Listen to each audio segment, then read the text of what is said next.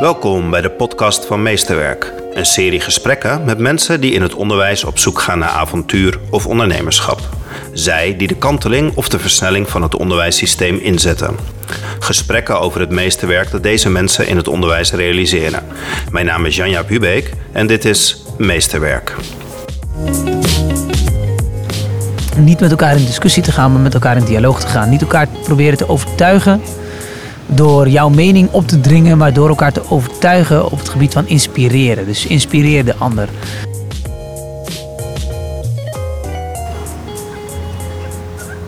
Hey Karim, welkom. Hey, dankjewel, dankjewel. Fijn dat ik er mag zijn. Ja, we zitten voor de Hogeschool Leiden. Yes. Lekker in het zonnetje aan een, Heerlijk. aan een picknicktafel in de zon.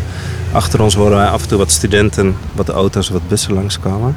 Karim, vertel, kan jij jezelf eigenlijk in een paar zinnen voorstellen? Ik heb je de afgelopen dagen flink gegoogeld, maar ik kan je eigenlijk niet vangen in een paar zinnen. Hoe zou jij jezelf... Ik kan mezelf ook niet vangen in een paar Nee. zinnen, moet ik in alle eerlijkheid zeggen. Maar als ik, als ik in een paar zinnen zou moeten vertellen wie ik ben, dan is het, eh, mijn naam is Karim Mamgaard, 30 jaar, Nederlands-Marokkaans, vader van één. Het tweede is op komst, die Hmm. eh, komt in eh, 20 oktober, eh, komt ze de wereld in hopelijk. Gefeliciteerd. Dankjewel. Dan ik is het nog net een, ja, weegschaal, hè? Ja, en ik vind, ik vind zo... Dat is, en daarom begin ik daar ook altijd mee. Dat zijn, eh, mijn, eh, mijn dochter is eh, mijn grootste inspiratiebron als het gaat om, eh, om hard werken in het onderwijs. En waarom? Eh, omdat ehm, eh, kansenongelijkheid eh, bestaat, eh, bestaat nog steeds. Maar als ik het vergelijk in de tijd met eh, dat mijn vader vanuit Marokko eh, naar Nederland toe kwam. En keihard moest werken voor, eh, voor een baan in de kas. En daar dus ook gewoon eh, 16 tot 18 uur eh, per dag moest werken. Ehm, toen was het helemaal niet gebruikelijk dat, eh, dat, dat Karim Amgar eh, tegenover Jan Jaap stond om te praten over, over zijn professionaliteit in het onderwijs. Ehm, en nu is dat wel zo. Eh, maar nog steeds, eh, dan heb ik het niet alleen over niet-westerse Nederlanders, maar gewoon ehm, eh, diversiteit aan zich. Merk je dat, dat er nog steeds kansongelijkheid is. En, en eh, genderafhankelijk, eh, eh, als je een bankenbestuur, eh, als je je ogen dicht doet en je denkt aan een bankenbestuur, dan denk je aan eh, grijze witte mannen in marineblauwe pakken. Eh, eh, maar je ziet daar geen vrouw tussen, weet je wel. En dat zegt wel wat. En, en daar wil ik gewoon voor strijden om ervoor te zorgen dat iedereen op basis van zijn kwaliteit wordt beoordeeld en niets anders dan dat. Ook niet zijn haarkleur, ook niet zijn, zijn afkomst of zijn religie. Eh, dus dat betekent dat we beeldvorming moeten veranderen. En zij is daarin gewoon een enorme, enorme inspiratiebron. En ze staat voor mij ook centraal voor niet alleen mijn kind, maar ook voor alle andere kinderen in Nederland. Ongeacht wat je bent, of je Westers Nederlands bent, niet Westers Nederlands, of dat je atheïst bent, of moslim, of joods, of christen. Eh, maar dat gewoon de nieuwe generatie het iets makkelijker heeft met elkaar dan dat wij het hebben. En zie je het ook bij je dochter terug dat zij ook anders behandeld wordt? Nou ja, ik, eh, als ik eh, bijvoorbeeld een van de dingen die ik, eh, mij gevraagd werd toen ik bij de Nieuwe Maan TV-programma bij de NTR, werd mij gevraagd om wat deed de mm, verkiezings, laatste verkiezingsuitslagen, provinciale verkiezingsuitslagen met jou. Nou, toen heb ik wel gezegd, hè, bij ons in de gemeente Landsingerland was Forum voor Democratie de grootste. En dat deed wel wat met mij. Met name toen ik de volgende dag de kleine in de ochtend eh, naar eh, de peuterspeelzaal moest brengen. Want ze is drie. Net drie geworden overigens. En ehm, dan merk ik wel dat de ouders die ik standaard tegenkom, die ik standaard groet. eh, de een groet wel terug en de ander niet. En ik blijf het gewoon volhouden tot ze wel gaan teruggroeten. Eh, die, die, groet ik, die groet ik die ochtend daarna weer. Maar toch denk ik bij mezelf, mm, willen ze mij en mijn dochter hier wel hebben? Ik kan prima voor mezelf opkomen en ik regel mijn eigen dingen. Maar mijn dochter nog niet. En wie weet ben ik er volgend jaar helemaal niet, dat weet ik niet. Eh, om, haar, om haar nog aan het handje te nemen. En dat is best, dat is best eng, dat maakt mij kwetsbaar. Dat maakt mij eh, onzeker als het gaat om eh, hoe, moet ik, hoe moet ik er nou voor zorgen dat, dat ik ervoor kan zorgen dat, dat iedereen gelijke kansen heeft. En dat heb ik niet alleen, dat hebben heel veel ouders. Ongeacht wat, wat, wat voor huidskleur, wat voor religie. Je bent constant wel bezig met je kind en hoe, hoe je kind kan slagen in de samenleving. Maar ik vooral omdat ik hier gewoon best wel vooraan sta om, om hard te werken aan, aan, aan goed onderwijs in het mbo, in het hbo. eh, hard werken aan gelijke kansen in de samenleving. Moeilijke onderwerpen bespreekbaar maken. Zodat we allemaal wel dichter bij elkaar komen. Ja, dat doe Ja. je echt. Hè? Ik zie je die, die moeilijke onderwerpen ook onderzoek, opzoeken en, en bespreekbaar maken. Hoe is het zo gekomen dat je je daarvoor bent gaan inzetten? Even los van je dochter. Want ik heb het idee dat het al eerder dan drie jaar geleden Ja, begonnen is. Jouw zeker. zoektocht in ja, het zeker. onderwijs. Ja, zeker. En deze Ik- maatschappelijke thema's. Ja, ja zeker. Het was, ehm, ik, ik, eh, toen ik net klaar was met mijn HBO-studie, eh daarvoor ook nog veel meegemaakt hoor, maar dat bespaar ik je even.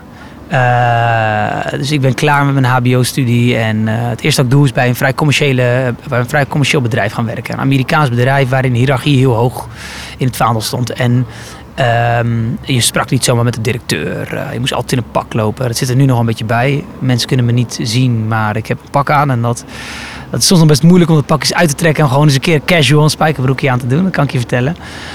Maar dat ging mij heel goed af. Eh, ik had van mijn vader, hij leeft niet meer, maar die leerde mij één ding en dat was de respect voor je baas. En hard werken is heel belangrijk. En met hard werken kom je verder. Nou, dat had ik er heel erg en dat was, dat was goed. Dat werkte in dat bedrijf ook heel goed. Tot ik op een gegeven moment, anderhalf jaar later, ik was verantwoordelijk voor het recruteren van nieuw personeel en het trainen van huidig en nieuw personeel. En ik kreeg een jongen op gesprek als een cv gezien, heel goed cv. Eh, hele goede motivatiebrief. En die jongen die, ehm, die komt, eh, komt op gesprek en die moest om 11 uur bij mij zijn. En die komt eh vijf over elf, nog niet binnen, tien over elf, nog niet binnen, kwart over elf. Klop, klop, klop. En ik doe de deur open en hij komt naar binnen en hij zegt tegen mij, Ewa. Dus ik zeg, pardon? Hij zegt, ja, je bent ook Marokkaans toch? Ik zeg, ja, ja, ja. Hij zegt, nou dan moet je het me gunnen, toch? Of, dus ik zeg, joh, kom binnen. Hij gaat op zijn stoel zitten, half op zijn stoel. Hij heeft een trainingspak aan voor zijn sollicitatiegesprek. Hij heeft een petje op. Hij heeft Nike Max sneakers aan. En dan dacht ik, nou, dit is niet goed. Met zo'n goed cv zo'n goede motivatie, dit is niet goed. Dus ik zeg eh, na vijf minuten of zo eh, van, joh, dit wordt hem niet. Weet je, daar is de deur, gaan we weer weg. Toch triggerde iets in mij van, ik moet achter hem aan om hem te vragen waarom hij zo slecht was voorbereid. Dus ik liep achter hem aan. Ik greep hem bij zijn arm. En gelijk geleerd, als iemand boos is, niet aanraken. Dus hij rukt zichzelf los. En hij zegt tegen mij, eh, ja, wat is er aan de hand? Ik zeg, joh, waarom heb je... Ik was boos, hè? Ik zeg, waarom heb je je verdomme nou niet voorbereid? Hij zegt, hoe bedoel je niet voorbereid? Ik zeg, eh, hebben je ouders je hier niet op voorbereid of zo? Hij zegt, ja, mijn ouders spreken nauwelijks Nederlands, weet je wel. Ik zeg, ja, dan heb je toch altijd wel je broers en zussen, of niet? Hij zegt, ja, ik ben de oudste thuis. En toen dacht ik, oh nee. En toen zei ik, ja, maar dan heb je altijd school nog, toch? En toen zei hij, eh, ja, ja, dan leren we cv's en motivatiebrieven maken. En that's it. En dan dacht ik, nee, dat is wel heel vervelend. En, eh, en toen belde ik die school op in Rotterdam, een mbo-school. En eh, eh, daar had ik een goed gesprek mee, constructief, kritisch maar constructief. Ik zei, joh, ik heb hier dit gehad. Eh, Wat gaan jullie eraan doen? En zij zeiden, wij leiden eigenlijk op tot een diploma en that's it, weet je. En ik zei, nee, jullie leiden op tot, tot, tot, tot burgers in de samenleving. Niet alleen tot, tot een diploma. Nou, en, en een week later zeiden ze van, ehm, wil je op gesprek komen om, om te kijken of je, of je zoiets bij ons kunt vormgeven. En zo ben ik het onderwijs ingerold. Eh, omdat ik per toeval, ja, ik geloof zelf niet in toeval, maar er, er- er kwam mij een kans voor en ik greep dat. En ik dacht, ik moet, ik moet hier iets mee. Ik heb ook een stukje eigen verantwoordelijkheid. Omdat ik zie dat, dat er heel veel mensen zijn die, eh, die die skills, die veel mensen wel vanuit huis meekrijgen. Maar in de grootstedelijke context missen mensen gewoon die, die, die, die, die zelfredzaamheid, die weerbaarheid. eh, en, ik, en ik kon daar wat aan doen. Wauw, wat een mooi verhaal. Kan ik. Ja. Hey, toen ben je het onderwijs ingegaan. Ja. En vertel, want wat ben je toen vervolgens gaan doen in het Toen, schro- onderwijs? toen schrok ik me de wat pleuris. Ja, schrok je? Ja, ik schrok me de Waar pleuris. schrok je het meest van? Nou ja, ik, eh, ik, kom uit een, eh, commer- ik kom dus uit een commercieel bedrijf. Al een jaar of, ja, of zeven geleden, denk ik, acht geleden hoor, denk ik. Ik kom uit een commercieel bedrijf waar alles super strak is. Iedereen luistert naar elkaar. En, eh, en de baas is de baas. De baas is de baas. Dus ik had in mijn hoofd, eh, ik ben docent. En eh, ik werd al een beetje voorbereid hoor, eh, van tevoren door de, door de collega's. En, eh, dus ik had een heel, heel goed vak in elkaar gezet. Eh, het heette omgangskunde, zoals hier ook op de hogeschool Leiden lerarenopleiding omgangskunde wordt, wordt gedoseerd. Dus ik, ik kwam daar aan, ik had dus weer dat pak aan, de hiërarchisch. Ik denk, nou, dan staat er ook echt iemand. Dus ik kom dat lokaal in en ik had het de 1E-klas. Iedereen kent wel de 1E-klas. Iedere school heeft wel zo'n klas, weet je wel. Een klas met allemaal studenten die eh, eh, de opleiding voor de derde keer doen... of, of overal weggeschopt zijn en daar maar proberen. En eh, dus ik kom het lokaal in en eh rook naar wiet. Ehm ze hadden allemaal hun jassen aan capuchon op, zonnebrillen op, de zon scheen niet. Je komt binnen en ik zeg, jongens, we gaan beginnen. En dan kijken ze twee of drie om en ze draaien weer terug en ze gaan kaarten. Weet je wel, wat gebeurde mij? Ik denk, nee, dat kan echt niet. Ik zeg, jongens, we gaan beginnen. Iets harder. Geen reactie. En ik had een pen in mijn hand en aan de andere kant, aan mijn andere hand had ik een bakje koffie. Dus ik gooi die pen keihard op de grond, kletst uit elkaar. En op dat moment loopt mijn teamleidster over de gang. Oh, dus die komt naar binnen en die zegt, Karim, wat is er aan de hand? Ik zeg, nee, nee, nee, nee, niks. Ik, ik los het zelf op. Weet je wel, de teamleidster loopt weg. En die klas die was wel gelijk even van, wow, uh, wat is hier aan de hand? En ik zei, uh, sorry, had ik niet moeten doen. Verloor even controle. Maar even serieus. Uh, sorry voor mijn taalgebruik. Maar ik zei, wat de fuck is dit, joh? En ze zeiden van, ja, wat bedoel je? Ik zeg, joh, ik, ik, kom hier naartoe. Ik heb verdomme mijn baan opgegeven. Een auto van de zaak ingeleverd. Ik heb zelfs salaris moeten inleveren om hier jullie, jullie dingen te leren. En dit is wat ik ervoor terugkrijg? En toen zei één iemand, ja, wat denk je nou joh? Dat jij hier als zevende of achtste docent ons kan komen veranderen? En toen hoorde ik het al, weet je wel. Ik was de zevende of de achtste docent in één jaar die het daar moest gaan proberen. En uh, ze werden gezien als moeilijk en als slecht. En, uh, dus toen zei ik, weet je wat? ik drop alles, alle, even, even, al het materiaal, weet je wel, wat we vandaag hebben. Kom gewoon even zitten en we gaan gewoon even praten met elkaar. En we hadden een echt gesprek. En toen kwam ik achter de echte issues, weet je wel, op, die, die er in het onderwijs, of in ieder geval ook in de samenleving gewoon spelen. Jongens die, die, die keihard moeten werken tot s'avonds laat omdat ze hun eigen shit moeten regelen. Uh, uh, jongens die, die constant maar worden gezien als slecht en als crimineel, dus zich daar ook maar naar gaan gedragen. Jongens die proberen de verbinding met docenten te zoeken, maar dat ze bijvoorbeeld heel ongemakkelijk broeder per ongeluk tegen een, een docent zeggen, dat die docent gelijk zegt, hey, ik ben je broeder niet, ik ben gewoon je docent, dat moet je respecteren dat ze gelijk denken, weet je wat, uh, laat maar, ik heb het geprobeerd. Uh, dus er is een enorme mismatch tussen, tussen uh, docenten en studenten. En zeker met name in de grootstedelijke context zie je dat. En toen dacht ik, hé, hey, dit zijn dingen waar ik echt aan moet gaan werken. Want ik voel dat ik daar, op de een of andere manier samen met mij nog heel veel andere mensen. Hè, je, je, je voelsprieten zet je aan en je voelt, hé, hey, dit is niet oké. En, en, en, we kunnen er op die manier en die manier mee omgaan.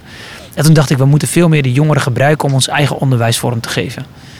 En, ehm, en zo ben ik toen op een gegeven moment ook achter, achter veel dingen gekomen. Weet je? Dus radicalisering, polarisatie in, in, de, in de kantines, maar ook uh, de radicalisering, rechtsextremisme, jihadistische radicalisering van jongeren, zowel in, in de school, maar ook in, gewoon in de wijken. Uh, merkte ik dat, uh, dat er heel veel jongens waren die met allemaal van dat soort hele zware emoties kampten. En dat is niet leuk, want dat, daar kiezen ze niet zelf voor omdat ze het heel tof vinden om zo te denken. Maar die worden op de een of andere manier getriggerd door hunzelf en door hun omgeving om zo te gaan denken.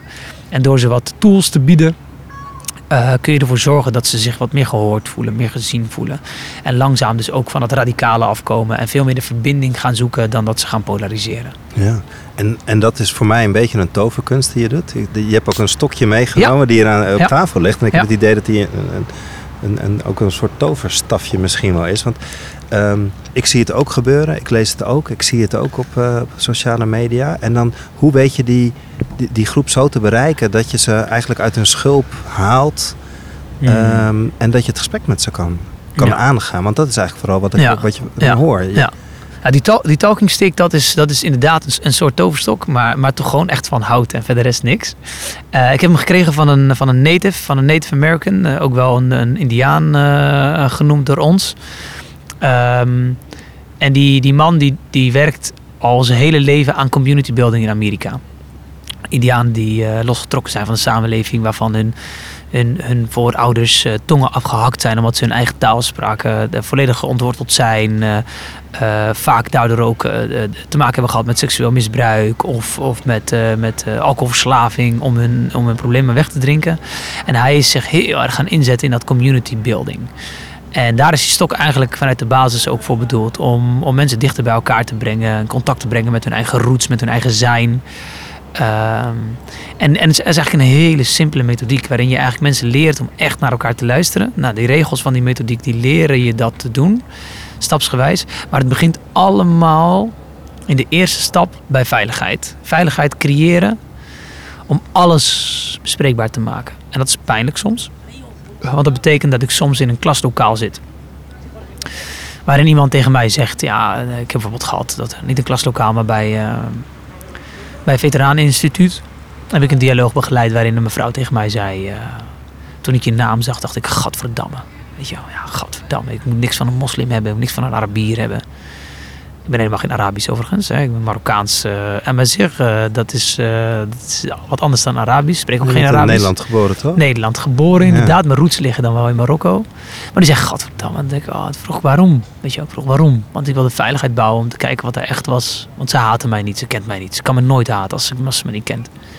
En dat is met onderwijs ook. Hè. Docenten moeten altijd ook in acht nemen. En iemand kan mij, ze kunnen je nooit haten je, represent iets waar zij een bepaald gevoel bij hebben. En dat is heel belangrijk om te weten. Dus neem het nooit persoonlijk.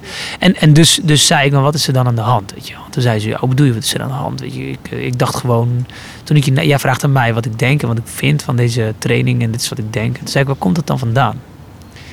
En toen zei ze, ja, ik weet niet wat je bedoelt. Toen vroeg ik aan haar, dat is heel belangrijk, vroeg ik aan haar, wanneer voelde je dit voor het eerst? Wanneer voelde je voor het eerst dat je die haat had. Of in ieder geval dat, dat je zo boos was op, op mensen die een islamitische religie hebben. Of, uh, of Marokkaans of Arabisch uitzien. Of Toen zei ze, de eerste keer was toen ik, uh, een vrij jonge dame, hè, dus ergens uh, de, eind 30 was ze. Eind 30 was ze. En zij zei, toen ik net uit Irak kwam, want ze was verzorgend, toen ik net uit Irak kwam, toen zaten er twee kindjes in de rij bij de supermarkt. En die hadden 5 cent of 10 cent tekort voor een chippies en drinken. En waren heel jong, heel klein. En toen was ze zo boos op die kinderen dat ze ze de dood wenste in haarzelf. En toen is ze naar huis toe gegaan en toen moest ze daar zo erg van huilen. En was ze daar zo erg van geschrokken. Maar heeft ze verder nooit met iemand besproken. Dat heeft ze toen uiteindelijk opgekropt. En dat was zo pijnlijk dat ik dacht, oh, dat lijkt me echt erg om te hebben. En toen zijn we daarover verder gaan praten. En ook andere mensen durfden toen ook hun pijn te delen. En toen kwam ze er dus voor haarzelf achter. Eigenlijk iets wat, wat, wat, wat vanzelfsprekend was. Maar eigenlijk, als je daar met niemand over praat, dan leg je die link niet. Dat ze die haat had omdat ze met mensen in Irak zat. Die haar pijn deden, die dus een beetje op mij lijken. En ik represent dus het, het gevoel of de emotie van, van een radicale in Irak bijvoorbeeld. En dan projecteert ze dat op mij omdat ze wat met die pijn moet. En als ik dan dat omarm, dan krijg ik dus een clash. Maar als ik dus gewoon zeg van, nou ja, ik ben dat niet en ik voel dat ook niet zo dat ik dat ben. Maar ik ga wel met jou in gesprek om te kijken wat ik voor je kan doen. Om de beeldvorming te veranderen. En aan het einde van die dialoog zei zij tegen mij. Ik heb twee dochters. En ik hoop echt dat ze van iemand zoals jij les krijgen. En dat vond ik zo mooi. En ze moest ook echt heel erg, ze was heel erg, heel erg geëmotioneerd. Want het kwam er eindelijk een keer uit. Ja. En dat was mooi. Ja. ja. Maar je ben je eigenlijk altijd die beeldvorming een spiegel voor aan te houden. Ja. In welke situatie dan ook. Zeker. En dat geldt dus ook over mensen die vluchtelingen haat hebben, maar ook mensen die jihadistisch uh, radicaliseren, die dus haat hebben naar de Nederlandse samenleving en die naar Syrië willen vertrekken. Of, of, of, of, of, of nog niet zo ver dat ze naar Syrië willen vertrekken, maar dat ze wel gewoon hier een affectie hebben naar de Nederlandse samenleving en niet geloven in de democratie of in de politiek. Ehm, en ook die mensen hebben dat. En dat, is, en dat is gek om te denken en heel moeilijk om te denken dat, dat ze dus. Het is niet iets waar ze een op de andere dag voor kiezen en denken: Nou, nu ga ik is, is Nederland haten of, of me niet meer Nederlands voelen.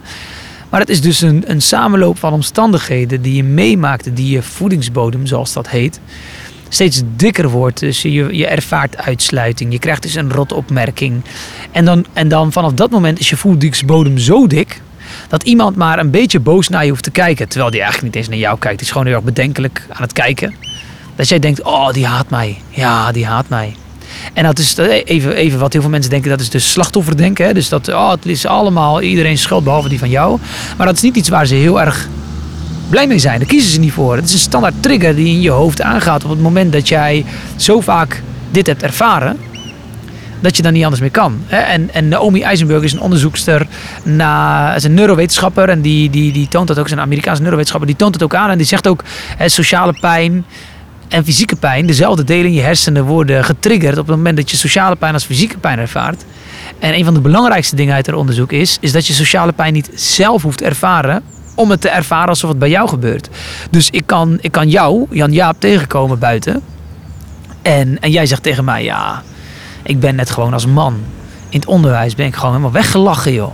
En uh, ja, door allemaal vrouwen, het is echt verschrikkelijk. Dan kan ik voelen alsof dat ook bij mij gebeurd is. Zonder dat ik mezelf dat aan wil praten. Maar dat is gewoon een standaard mechanisme in je, in je kop. Als je niet weet hoe je zelfredzaam of weerbaar kunt zijn. Dat ik mezelf dat als eigen maak. Dus ik loop dan vervolgens met een emotie van, van een, soort, een, soort, een soort vrouwenhaat in het onderwijs. Loop ik dan rond. En dat is dus voor vrouwen ook zo. En dat is dus voor mannen ook zo. Voor Marokkaanse mensen ook zo. Turkse mensen ook zo. Is dat er gewoon een standaard trigger afgaat. Op het moment dat je dus te maken krijgt met sociale pijn. Ja. Ja. En dan ben ik heel benieuwd, want hoe haal je die angel daar dan uit? Ik, ik, ik beluister in ieder geval geduld. Je geeft eh, die aandacht, je luistert. Ja. Maar dat is, dat is bijna individueel werk wat je dan doet. Nee, het is, dat is dus echt eh, een hele belangrijke. Mijn, dialo- dat? mijn dialoog doe ik nooit één op één. Nee. Omdat als ik dialogen één op één doe, dan krijg ik altijd sociaal wenselijk gedrag. Ja, meneer, u heeft ook gelijk. We moeten mensen ook niet haten. En, eh, en dan lopen ze weg en dan denken ze, "Pff, pleur op Ja. man. Dat denk ik helemaal niet. Hetzelfde als dat een politieagent iemand aanhoudt in zijn eentje. En dan eh, krijg je altijd, ah, sorry meneer, ik had niet moeten doen. En nou dat. Maar wanneer je een hele groep bij elkaar hebt, dan kun je tenminste gebruik maken van de kennis in de groep. Want ik heb de oplossing echt niet hoor. Eh, het is ook niet zo dat ik, overal een antwoord op heb. Ehm, maar door je kwetsbaar op te stellen, creëer je verbinding. En dat doe je dus bijvoorbeeld. Een van de opwarmvragen die ik vaak stel is: wie zijn de drie belangrijkste mensen in je leven? Dan krijg je bijna altijd dat mensen zeggen: mijn moeder. En de vraag is ook waarom. Hè? Dus, dus wie zijn de drie belangrijkste mensen in je leven en waarom? Dan zeggen mensen: moeder. Eh, dat is heel belangrijk voor mij, want die doet dit voor mij en die doet dat voor mij. En laatst zijn mijn ouders gescheiden. En toen was ze er altijd voor me. Maar mijn vader, die is ook heel belangrijk voor me. En dan krijg je dus een soort kwetsbaarheid. Dat mensen denken, oh, zit er achter jou ook nog gewoon menselijke dingen? Wat gek. Ben je ook gewoon mens, weet je wel? Dat is, hè, dus, dus stoppen met het dehumaniseren van de problemen. Het stoppen met radicalisering gaat om radicalisering. Nee, dat gaat om, om, om iemand die volledig ontworteld is. eh, die niet meer gezien wordt, die sociale pijn ervaart, die gescheiden ouders heeft, die in de schulden zit, die geen perspectief meer heeft. En die krijgt een alternatief geboden in een rechtsextreme wereld of in een jihadistisch geradicaliseerde wereld. Waarin die weer volledig even zichzelf mag zijn en even de dingen mag vergeten. Nou, en als wij die kracht aan de andere kant ook gebruiken, door mensen hi- hier in het, in het, even in het normale, zeg ik maar even tussen aanhalingstekens, ehm, te helpen om perspectief te bieden, dan, dan breng je ze dus verder. Dus bouwen En aan dan die veiligheid. kracht van, van die groep is dan ook weer zo sterk dat je dan dus weer ook daar los uit kan komen. Ja, dus, dus op het moment dat je dus. eh, maar, maar nou ja, ik zou, ik zou de, de samenleving nooit, nooit eh, als, als, als losse individuen willen zien. Want door onze kinderen te leren dat ze het allemaal zelf moeten doen, ehm, creëer je ook een soort eenzaamheid. Maar wanneer je eh, bouwt aan. We moeten het allemaal samen doen. En, het is, en, ze te leren dat hulp vragen een hele waardevolle competentie is. Het, is. het is heel waardevol om hulp te kunnen vragen en om hulp te geven aan elkaar. Dat is echt een van de meest waardevolle dingen, omdat je daarmee ook leert dat je afhankelijk bent van elkaar. Dus dan creëer je ook dat als iemand straks 80 of 90 is en niet meer voor zichzelf kan zorgen, maar geen familie in de buurt heeft, dat de buren zeggen: Nou ja, wij gaan, wij gaan voor haar of voor hem zorgen. Eh, want we zijn ook gewoon een samenleving verantwoordelijk voor elkaar. En nou ja, zo voel ik dat, sorry. Ik voel dat we verantwoordelijk zijn voor elkaar en dat we het allemaal samen moeten doen. Daarom is die cirkel ook zo belangrijk dat je dat met elkaar doet. En als dus iedereen vertelt, hé, mijn vader is, is overleden in 2013, oprecht, is ook echt overleden in 2013. En waar is hij aan overleden? Hij is overleden aan kanker. Dat is een hele eh, meeslepende ziekte geweest. Is, is, is een zware periode geweest. Dat als ik dat vertel aan mijn studenten, dat ze denken, jeetje. Hij is docent, maar hij is ook gewoon mens, weet je wel. Wauw, dat hij dat durft te delen met ons. En dan krijg je enorme mooie verhalen van hen terug ook. Hè? Dus ook als begeleider van zo'n sessie is het heel belangrijk dat je ook gewoon kwetsbaar bent. Niet op een andere stoel gaan zitten dan de rest. Niet de baas gaan spelen. Dat kun je best doen in een les waarin je hiërarchie moet hebben. Maar ga je de dialoog aan en wil je echt problemen oplossen, dan moet je gewoon precies naast hun gaan staan. En niet, niet, niet voor hun of boven hun of, of weet ik veel. Maar kwetsbaar opstellen, durven kwetsbaar op te stellen en dan verbinding creëren. En als je dat hebt gedaan en er is veiligheid, dan kun je bouwen aan, aan zwaardere dingen. Aan, aan het spreken over vrouwenvriendelijk gedrag doe ik bijvoorbeeld heel vaak. Eh, spreken over, over, over radicalisering, polarisatie, eh, pesten. Pesten is een enorm, enorm waardevol ding om het ook in groepsverband met elkaar te doen. Veiligheid te bouwen, zodat ook de pester zegt waarom die pest. En, en, niet, en hem niet als, als direct als schuldige aanwijzen, maar erachter proberen te komen waarom iemand pest. En dan die dingen aanpakken in plaats van de persoon aan te pakken. Ja. Want dan kom je niet aan, tot een oplossing. Nee, maar dan ben je dus ontzettend veel met, met de groep in gesprek. Ja. Maar dat is niet allemaal ingepland, denk ik, of wel? Nee. Een Dat gebeurt ook gewoon in de is, tussenruimte, ik- het s ochtends vroeg, Z- s'avonds zeker, laat. zeker. Maar, maar, maar toch is, is, probeer ik er wel een, een, een stukje structuur in, in te brengen. Dus dat betekent dat ik in mijn curriculum probeer in te bouwen. Want ik geef nog één dag in de week les in, op het mbo. En, en, en zo ongeveer 0.1 hier bij de Hogeschool Leiden. Als het gaat om radicalisering en polarisatie bij de leraaropleiding omgangskunde. En eh, ik probeer het wel in te bouwen. Dat, het, dat het in ieder geval één keer in de periode Terugkomt. voorkomt. Ja. Ja. Ehm, En wat- hoe leer wat je zo dit rustig aan anderen? Want ik voel helemaal met je mee. Hè? Ja, Als je dit ja, vertelt, ja, dan zie ik ja. in je ogen dat je...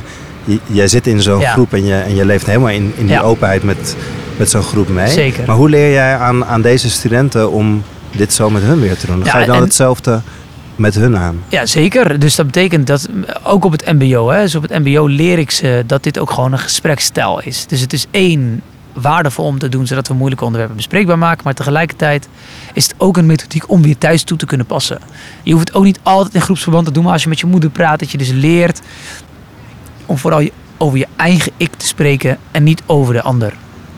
Niet met elkaar in discussie te gaan, maar met elkaar in dialoog te gaan. Niet elkaar proberen te overtuigen door jouw mening op te dringen, maar door elkaar te overtuigen op het gebied van inspireren. Dus inspireer de ander.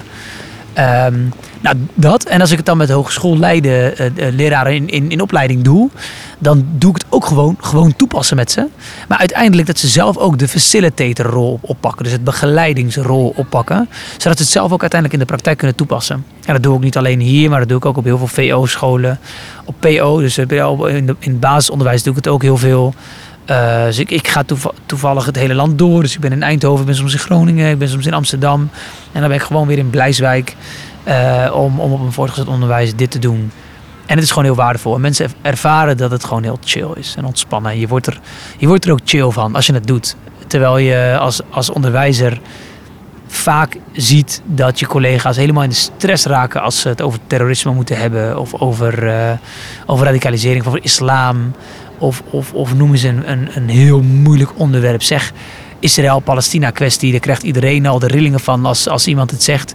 Ja, dat kun je ook bespreken met zo'n talking stick sessie. Geloof me, je gaat echt mooie dingen bereiken. En je gaat meer verbinding creëren dat je verdeelt. Ehm, alle enge onderwerpen worden daardoor een stuk makkelijker. En je bent als docent ook gewoon weer, gewoon weer lekker in je chill-modus. En dat Ja. is belangrijk, ja zeker. Ja. Hey, en je gebruikt meerdere lagen. Ehm, eh, er ligt hier een, eh, een concept voor een boek eh, voor je neus. Eh, je schrijft voor de krant. Ja. Je, je bent regelmatig op televisie te Ja. zien. Vertel, hoe, eh, je weet het ook nog allemaal mooi aan elkaar te verbinden. Eh, ja, ja, dankjewel. ik, ik doe het allemaal vanuit passie en, en niet om, om gezien te worden. Dus het, het hoofdzakelijke doel, dat wil ik wel, wel altijd even zeggen, is mijn hoofdzakelijke doel is verbinding te creëren in de samenleving, omdat het belangrijk is voor onze volgende generatie. Ongeacht hoe je heet, of je nou Fatima of Klaas of Jacqueline of Ahmed heet, het boeit niet. We moeten het allemaal samen doen. En dat je ook vooral jezelf kunt zijn zonder dat je ervoor hoeft te schamen. Weet je? Dat je je religie verstopt omdat je bang bent wat de ander van je vindt. Of, of dat je niet gelooft en dat je, dat bang, dat je daar bang bent dat de anderen zeggen, oh wat ben je raar. Ehm, dus dat, en dat, en dat, dat, dat eh, ik heb, ik heb eh, het geluk, hè, dat is vooral, ik zeg vooral het geluk, dat ik, dat ik, dit, dat ik dit allemaal op mijn pad heb gekregen. Want ehm, elke keer dat ik, dat ik hè, je zegt, ik heb een boek geschreven, dat gaat heten Van Radicaal naar Amicaal, dat is vandaag besloten bij de uitgeverij. Het wordt uitgegeven door uitgeverij Coutinho. Ehm, en daar ben ik super blij mee. Maar het is ontstaan 2,5 jaar geleden dat ik thuis kwam van de trainingen en dat het soms gewoon te zwaar was. Gewoon, want ik, ben, ik ben ook gewoon mens, zoals iedere docent mens is. Dus je komt thuis en dan voel je je soms gewoon fucked up. Sorry. Eh, vanwege de dingen die, eh, die je tegenkomt in het klaslokaal en hoe zwaar het soms is. Bijvoorbeeld als ik dan, als ik dan hoor van een jongen die dan Surinaams is, die, die zijn vader nooit meer ziet. En, en zijn moeder die, die heeft twee of drie banen. En hij moet zowel voor zijn broertjes en zusjes regelen als, of eh, eh, eh, zorgen als voor zijn eigen moeder. En hij moet zorgen dat de eten klaar staat. Maar hij moet ook nog eens zelf gaan slagen. En hij moet zelf gaan werken. En hij helemaal kapot is. En dan komt hij op school. En dan krijgt hij daar direct veeg uit de pan. Waarom was je er niet? En je hebt eh 40% afwezigheidspercentage. Dan doet dat pijn, weet je. Als je thuis komt, denk je, oh jeetje, wat hebben mensen het soms ook gewoon echt moeilijk. En soms als ik dan zo'n dialoog heb gehad en er komen hele zware dingen naar boven, dan uh, schreef ik ze uit. Gewoon dacht ik, ik mijn vrouw sliep, uh, ze kon met niemand praten, dus ik schreef alles uit. En in dat Word-document, dat werd steeds groter, twee pagina's en twintig pagina's en dertig pagina's. En toen op een gegeven moment ging ik ook met mezelf in discussie. Ik dacht, hey, had ik anders moeten aanpakken om, om een ander resultaat te bereiken. En ik ga eens opzoeken of ik dat ook kan onderbouwen of niet. En dan ging ik dan opzoeken en soms was ik dan twee, drie uur s'nachts bezig. Omdat me dat rust gaf. Ik weet niet, ik denk dat het me gewoon rust gaf. En uiteindelijk zorgde dat ervoor dat ik uiteindelijk iets had. Ehm, en ik ben uitgenodigd door de koning en koningin om, om, uh, om, om, naar het koningshuis te gaan. Samen met heel veel anderen hoor. Ehm, en daar kwam ik een, uh, een, uitgever tegen. En daar zei ik tegen, nou ja, ik heb wat. Uh, ik weet het niet, maar hij stuur het op, ik ga er naar kijken. En toen zei hij, oh, dit is heel interessant. Ik ga je helpen om, het, uh, om, het echt om er echt een boek van te maken. Nou, en nu zo ongeveer anderhalf jaar verder dan dat toen ik hem ontmoette. Uh, is het nu ook echt een boek geworden. Dus het is nu ook gewoon klaar en het wordt in oktober uitgegeven. En is het een serie verhalen van wat jij meemaakt? Of is het wat je ziet bij de jeugd? Of nou, het, de... het, was, het was een serie verhalen. En, en met de hulp van de uitgever um, hebben we ervoor gezorgd dat de verhalen eerder een soort um, casussen zijn om je theorie op, op te kunnen passen. Of in ieder geval in, in, die, in, dat, in dat verhaal te lezen hoe de, hoe de theorie toegepast kan worden. Of, of hoe het dan ook fout kan gaan soms. Dus het is ook een boek waarin ik uh, kwetsbaar ben. Eh, dus waar ik soms ook gewoon vertel waar het niet lekker ging en, en hoe dat kwam. Dus dat is wel, uh, dat is wel heel vet. Um, en daarnaast heb ik, heb ik ook wel het geluk, heel toevalligerwijs, um, ontmoette ik iemand en die zei tegen mij: Karim, ze zoeken nog iemand voor een klankbordgroep bij de NTR. Om eens mee te praten over programma's, tv-programma's die over islam gaan, over religie gaan. Want sinds de bezuinigingen bij de publieke omroep valt de islam en het hindoeïsme vallen onder de NTR. En het christendom en het jodendom vallen onder de EO. En um, dus ik dacht, is goed, ik ga eens. En you never know. En we kregen, weet ik veel, 50 euro aan VVV-bonnen of zo. En ik vond het gewoon goed. Ik vond het gewoon belangrijk om, om mijn stem te laten horen daar. En ik hielp ze daar echt mee. En na drie ontmoetingen vertelde de hoofd van, van die klankbordgroep... die zei, uh, mag ik je voorstellen aan, aan, uh, aan de adviesraad... om te kijken of je, of, of, of je daarbij past. En de uh, mediadirecteur Willemijn Francis vond het dat ik een toffe aanvulling zou zijn. En daar rolde ik toen in. Nou, zo begon het avontuur, weet je. En toen kreeg ik, heb ik nu dus een aanbod gekregen om een tof televisieprogramma te doen... van zes series over etnisch en sociale profilering in het onderwijs. Uh, kansenongelijkheid in het onderwijs. Um, en, en hopelijk, uh, dat, is, dat is dan nog wat minder zeker, een televisieprogramma over, uh, over, over de talkingstick. Waarin we dus al die moeilijke onderwerpen bespreekbaar gaan maken. Zowel in scholen als in wijken als in bedrijven. Om ervoor te zorgen dat mensen iets dichter bij elkaar komen. Ja, ja. en meer open voor elkaar staan. Ja, zeker. Ja. Hey, je, je kwam net aanlopen en toen, toen vertelde je dat er... Um, je had het over Somalische kinderen die dan zeg maar op een basisschool een advies aan de middelbare school ja. gaan. En dat, dat leraren van nature, zonder dat ze daar een bedoeling bij hebben, ook nog met de beste bedoelingen, een, een kind die vanuit een andere culturele achtergrond komt of een, een lagere sociale klasse, mm. daarin opgroeit, dat hij dan automatisch een lager advies eigenlijk krijgt. Ja. Kan, je dat, kan je dat nog even duiden? Ja. De, de, de Vrije Universiteit heeft daar een jaar of drie geleden onderzoek naar gedaan. En, en een half jaar geleden overigens weer een soort uh, herziening op dat onderzoek uh, gedaan. Waarin ze uh, een onderzoek hebben gedaan naar die etnische en sociale profilering in het onderwijs. Wat eigenlijk erop neerkomt dat als iemand een, een 539 scoort, dat staat voor, voor HAVO, HAVO Plus volgens mij zelfs. Um, dat als je dus uh, uit een Somalisch gezin of een Marokkaans gezin komt, of ook, en dat is wel heel belangrijk om te benoemen, gewoon uit een, sociaal, uit een lagere sociale klasse komt. Dus, dus je woont in een schilderswijk, je ouders zijn beide Westers Nederlands, maar ze hebben een uitkering of ze werken als, als vuilnisman en schoonmaakster. Um, dat je dan automatisch te horen krijgt van een juffrouw of een meester: uh, ga jij maar naar de MAVO, want dan heb je in ieder geval een diploma. Hè? Wat Ankantjes bias, onbewuste vooroordelen, ons leert, is dat 99% van de mensen in die onderzoeken van, van, van Ankantjes bias, en INAI doet daar onderzoek naar, E-N-E-I, uh, die zegt dan ook, uh, dus de, de meeste gevallen die zeggen, ze doen het onbewust. Ze hebben totaal niet de bedoeling om jou, om jou slechter te behandelen. Maar ze hebben blijkbaar zo vaak op tv en in hun omgeving gezien dat mensen met een donkere huidskleur, Somalisch of, of misschien wel Marokkaans, of ouders als schoonmaakster en, en, en vuilnisman, dat je dan blijkbaar slechter begeleid wordt. Uh, of in ieder geval een, een kleinere kans hebt om te slagen op, op het HAVO of, of, uh, of, op de VWO. Uh, daardoor krijg je, krijg je dus dat die docenten, of de juffrouws en die meesters, je een lagere score geven. Nou, dat is wel een serieus, serieus probleem wat in Nederland uh, is. Maar niet alleen in Nederland, hè, in heel veel landen. De enige landen waar het, waar het in Europa heel erg goed gaat, is, is Finland en Estland zijn, zijn voorlopers op dat gebied. Uh, maar die investeren er ook gewoon heel veel in. En je merkt dus dat mensen dat, dat ervaren. En dat, dat heeft nog ook nog een. Kan je soort... duiden wat zij er dan doen? Wat, wat, wat helpt dan? Nou, wat zij doen is veel investeren in dat mensen beseffen dat ze een unconscious bias hebben. Dat ze onbewuste vooroordelen hebben. En hoe die onbewuste vooroordelen ontstaan. He, dat je dus begrijpt dat als jij tien keer een encounter, een, een, een ontmoeting hebt met een bankenbestuur. en het bestaat uit blanke witte mannen grijs in marineblauwe pakken. dat jouw beeld over hoe een bestuur bij een bank eruit wordt te zien, dat dat zo is. Ja. Wanneer jij dus een encounter hebt gehad met, uh, zeg even in de media, dus constant mannelijke leiders in de politiek ziet, dan, zie je dus, dan vind je dus vreemd als er een vrouwelijke leider is.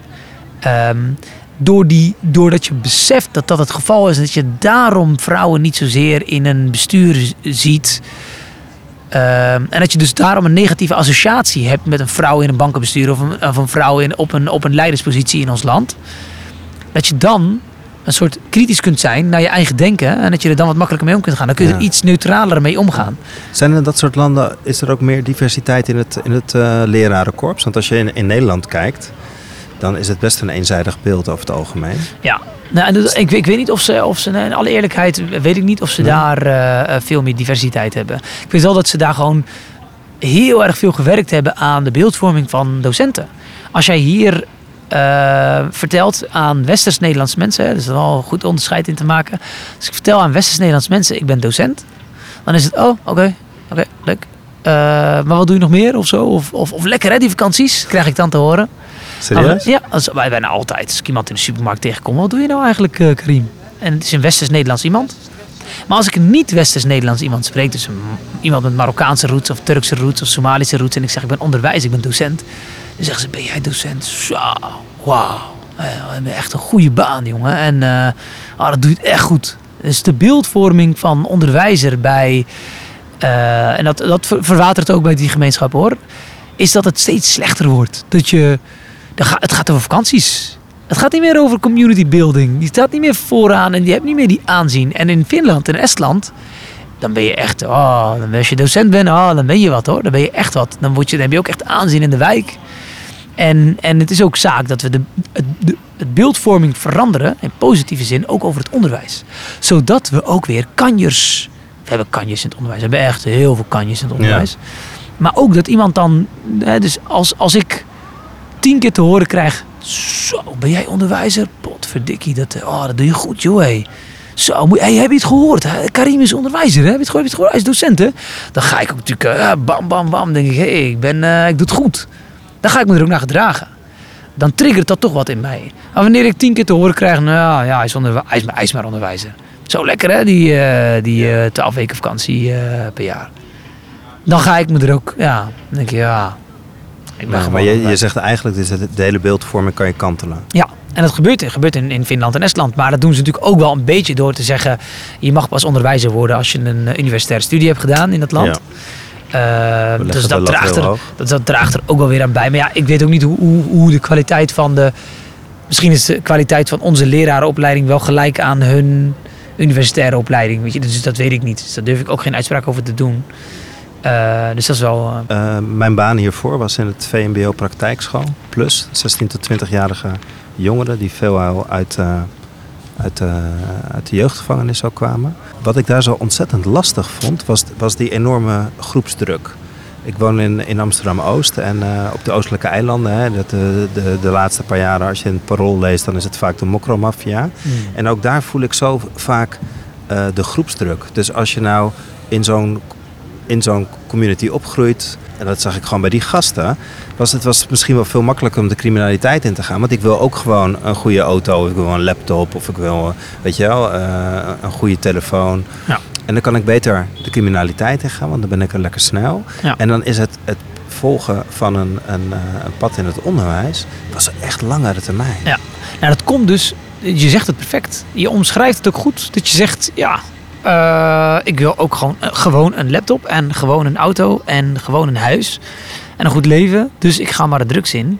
Dat komt dus dat hun beeldvorming over het pad, onderwijs en, en uh, een, een goede baan hebben.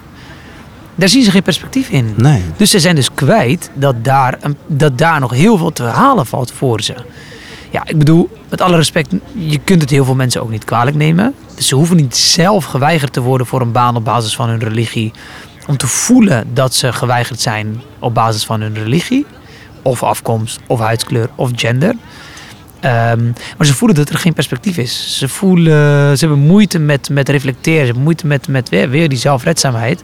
Dus als je ze leert om daar los van te komen, dan kun je ze helpen om, om daar juist wel wat mee, wat mee te doen. En bij de ene duurt het wat langer dan bij de ander, maar het is de investering 100% waard. Dus ook mensen die in de drugswereld werken, met alle respect, als jij een goed gesprek met ze hebt, uh, dan kom je er dus inderdaad achter dat het, dat het vaak mensen zijn, en dan niet in, in, even in de hogere lagen van de mokromafia, waar ook heel veel liquidaties uh, plaatsvinden, dat even daar gelaten.